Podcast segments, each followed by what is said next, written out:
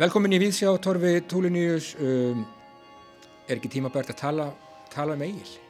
Já, Egil er náttúrulega mjög eftirminnileg persóna. Uh, það er alltaf svolítið gaman að svona í gegnum tíðina hefur maður hlusta á alls konar svona granna og, og uh, ekki mjög íturvaksna uh, fræðumenn segja hvað þeir hafa haft gaman að því að hvað þeir finna sér í agli sem draf sinn fyrsta mann sjö ára en, en Egil er mjög samsett og dulafull persóna þannig að hann er kannski aðalega mikil ráðgáta Já. hann er riðst fram á sjónasviðið þryggjára af, af því að hann er yngri bróður og neytar að að það sé farið eitthvað betur með eldri bróður hans en hann sjálfan. Hann vil fara í sama bóð og eldri bróðurinn þó hann sé ekki nema tryggjara og sé þekktur nú þegar fyrir að láta illa með víni. Þannig að hann er það er mikil vilji í honum og mikil reyði og hún byrtist þessi reyði og þessi kraftur og kannski ofsi byrtist einmitt í samskiptum hans sem, sem barn og unglingur við bróður sinn og en sérstaklega við föður og það er kannski eitt af því sem er svona grunn þema í æfi Egil sem er kannski hluti af ráðgátun um hann. Hann er dölur um tilfinningar sínar eða kannski er réttar að segja að höfundurinn eh, sögunar gerir eh, sem þetta kafar eða segir okkur aldrei frá því sem er að gerast í kollinum á honum. Heldur er, er það takni höfundar að láta okkur geta okkur til um hvað það er sem vakir fyrir agli. Og þannig þegar að Egil er ungur maður komin út til Noregs í sín fyrstu ferð, þá er bróðir hans að fara að giftast eh, eh, Sett, uh, ungri hafðingjakonu erf, erfingi að miklum auð í Noregi en sem hefur alist upp með agli og uh, Egil er veikur og vil, fer þá ekki í brúðkaupið en um leið og farið er af staði í brúðkaupið þá rýsa hann úr rekju og, og fer og fremur kemur sér í uh, set, eða set, efnir til óvinnskapar við hérna við Gunnhildi drottning og Eirík Blóðags konung. Þannig að við þurfum að geta okkur til hvaða er sem vakir fyrir agli og eftir vill er, kemur svarið löngu síðar þegar að Þórólfur bróðir Egil sem að egnaðist áskerði sem eiginkonu, hann fellur í Englandi í orustu og Egil bara veit uh, þarf að komast aftur til Noregs og stuttu síðar er hann kvæntur henni. Þannig að kannski var þetta það sem bjó undir Uh, hegðun hans allan tíman Já. en höfundurinn segir okkur þetta ekki við þurfum bara að geta okkur til um það og samá við um bara hegðun uh, Egil's í gegnum söguna, hann er hvað er þessi náðingi eiginlega hann er mm -hmm. sko mjög margt að því sem hann gerir stríðir gegn almennu síðgæði og ekki bara á, á síðgæði okkar 21. aldar fólks, heldur líka á miðaldum og ekki síst kristilöðu síðgæði. Hann er gestur á bæ einum í, í Noregi og finnst að gerskjafin hafi ekki gefið hann nógu góðan drikk og næsta morgun þá fer hann og Nei, þá um kvöldi þá guppar hann upp í gerskjafan og svo næsta kvöld fer hann og stingur úr honum augað og ætlaði að drepa hann en, en eh, konan, eigin kona gestgafans uh, eh, kemur nú í set, byður eigilum að þeirri maður lífið hann sem að eigil gerir.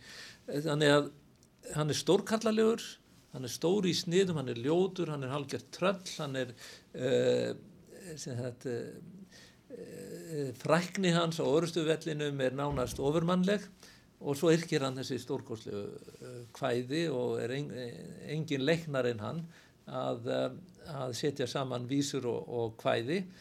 En hvað var ekki fyrir honum, hvað er að gerast? Og til dæmis er þetta sögupersona í þeim skilningi sem við leggjum kannski sem skálsögulesendur nútímans í, í hann er þetta persóna sem þróast mm -hmm. á hans er innra líf og uh, þetta innra líf það er nú aðeins fyrir ge stundum gefið í skinn hann eigi það og ekki síst í, með hverskapnum en hvað vakir fyrir honum? Við fáum aldrei að vita það. Ég held að það sé öfugt við kannski flesta fræðumenn sem að hafa fjallað um söguna og ekki síst þá sem að fjall, fjallað, fjallað um hana hér áður fyrr þá sé ég ákveði samengi í lífi Egil's. Það er sett ákveðin þróun í persónu hans og um, hún er svolítið ætt við rómönsu personur Já.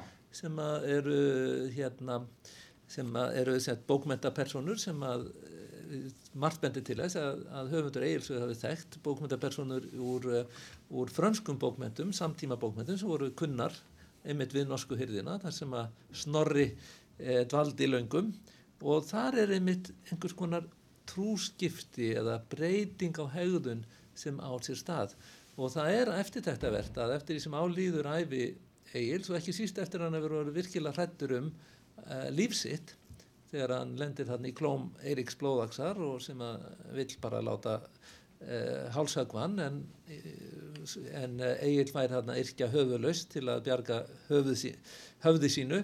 Uh, það verður ákveðum breyting á hann hann fyrir allt í einu að taka til í til annara hafa áhuga öðrum bjarga öðru fólki það, hérna áður fyrir hafði hann bara hugsað um sig og mm. sinn, sinn auð og, og svo framvegis allt í einu er hann farin að að uh, drýja hetjudáðir í annara þáu Já. og síðan er honum bjargað uh, frá því að deyja sjálfur eða frá sjálfsmorði hann ætlar að svelta sitt í bana af, uh, af dóttur sinni þannig að það er mjög freistandi að setja þetta í svolítið kristalegt samengi ja. þó að eigin sjálfur sé ekki kristinn þá er höfundurinn og viðtakendur sögunar eru kristnir og það er, það er, að, það er mjög freistandi að, um, að, að veltaði fyrir sér hvort að með því að segja söguna af agli, þessari persónu úr fjallægri fortíð sem er svona stórkastlega og stóri í sniðum, svolítið svona teknimyndapersona, mm -hmm. er samt líka verið að segja sögu um svona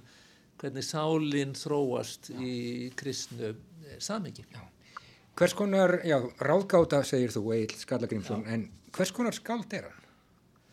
Hann er uh, náttúrulega, uh, sko, leikinn, þetta er náttúrulega, dróttkvæðlist er, uh, er sérstaklega erfið, set, já, þetta er mjög, mjög, þetta er svona listaháfu stíi, mm -hmm. svo flókinn, bara, set, bragurinn er, gerur svo mikla kröfur til skáldsinn. Íþrótt. Ha, þetta, er í, já, þetta er íþrótt, eða skaldskapur er ein af íþróttunum mm. í, í hérna, samkvæmt miðaldamennum. Eru, það, eru, það eru stuðlar og það eru innrým og það eru ákveðin fastur fjöldi áherslu aðkvæða og þetta er, þetta er mjög fast form og það er, það, það er bara langa þjálfun til að geta orð með þessu og svo er þetta sérstaklega tungumál, þessi heiti, sérstaklega orðaforði sem að einnkennis dróttkvæði og sérstaklega og svo kenningarnar, þar að segja svona einhvernar vísanir til frásagna eða skinjunar eða eitthvað þess aftar til að, til að eh, koma orðum að hlutunum á þess að segja það beint. Og þannig að þetta eru hvaðskapur sem gerir miklar kröfur til viðtakandans að hann geti í eigðunar, hann seti saman merkinguna. Og mér finnst sko að höfundur sögunar sem að augljóslega hafði miklan mætur á, á dróttkvæðin kvæðskap, ég held að hann hugsi á þessum nótum.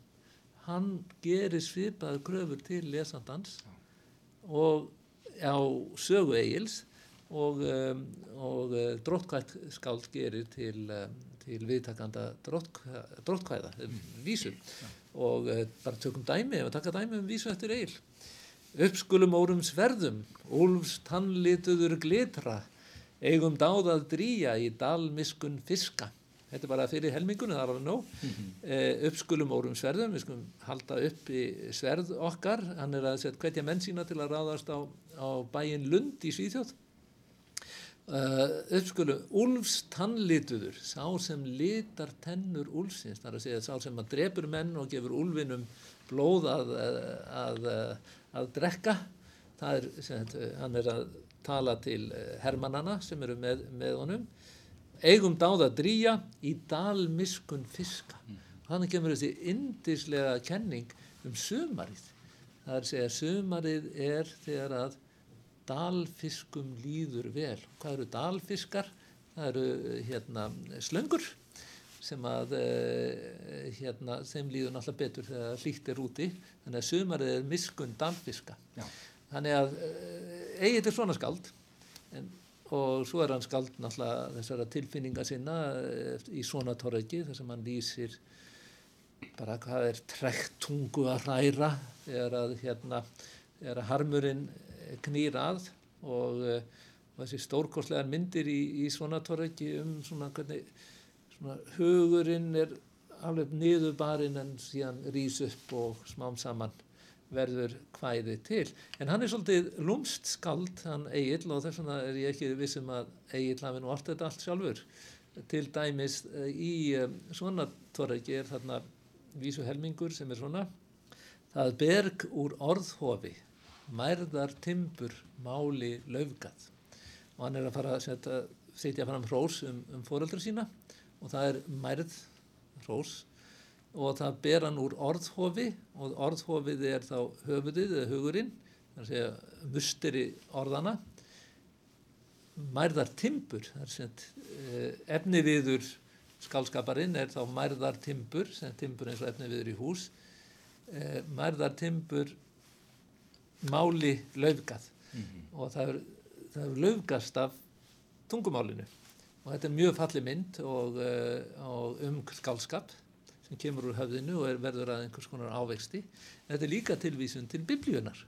Þetta er tilvísun til um, fjóruðu mósebókar, 17. kapla, þar sem sagt er frá því að uh, þegar að, að að hérna, ættir, ættbálkar Ís, Ís, Ísrael eru að rífast um það hver eigi að vera aðstiprestur, hvað ætt eigi að fá aðstaprestembættið og uh, Móses talar við Guð og Guð hérna segir láttu hver, hver, hver, hverja ætt útbúa tein og rista nafn ættarinnar á teinin og komdu með það inn í tjaldi þar sem, sem sáttmálsörkin er gemd og aðtöða hvað gerist svo svo næsta dag fer Móses inn í tjaldi, ber út teinana alla nema og einn þeirra hefur laufgast og borið ávörst fyrir tilverkan, tilverkan heilags anda. Já. Og þetta er nákvæmlega sama, þetta er alveg, þarna eru sex atriðir í mann rétt sem eru sameileg sögunni og kenningu eða nýgerfingu eins og svona kenningar kalluð eh, eigils og um, mér finnst meiri líkur en minni á að þessi kenning sé beri vottum þekkingu skáldsins á heilagri rítningu ja. og Egil er ekki góðu kandidat fyrir það. Nákvæmlega og við höldum áfram að hlusta á Egil sögu á kvöldin, ég segi bara takk fyrir komuna í Víðsjá, Torfi Túliníus og þanga til næst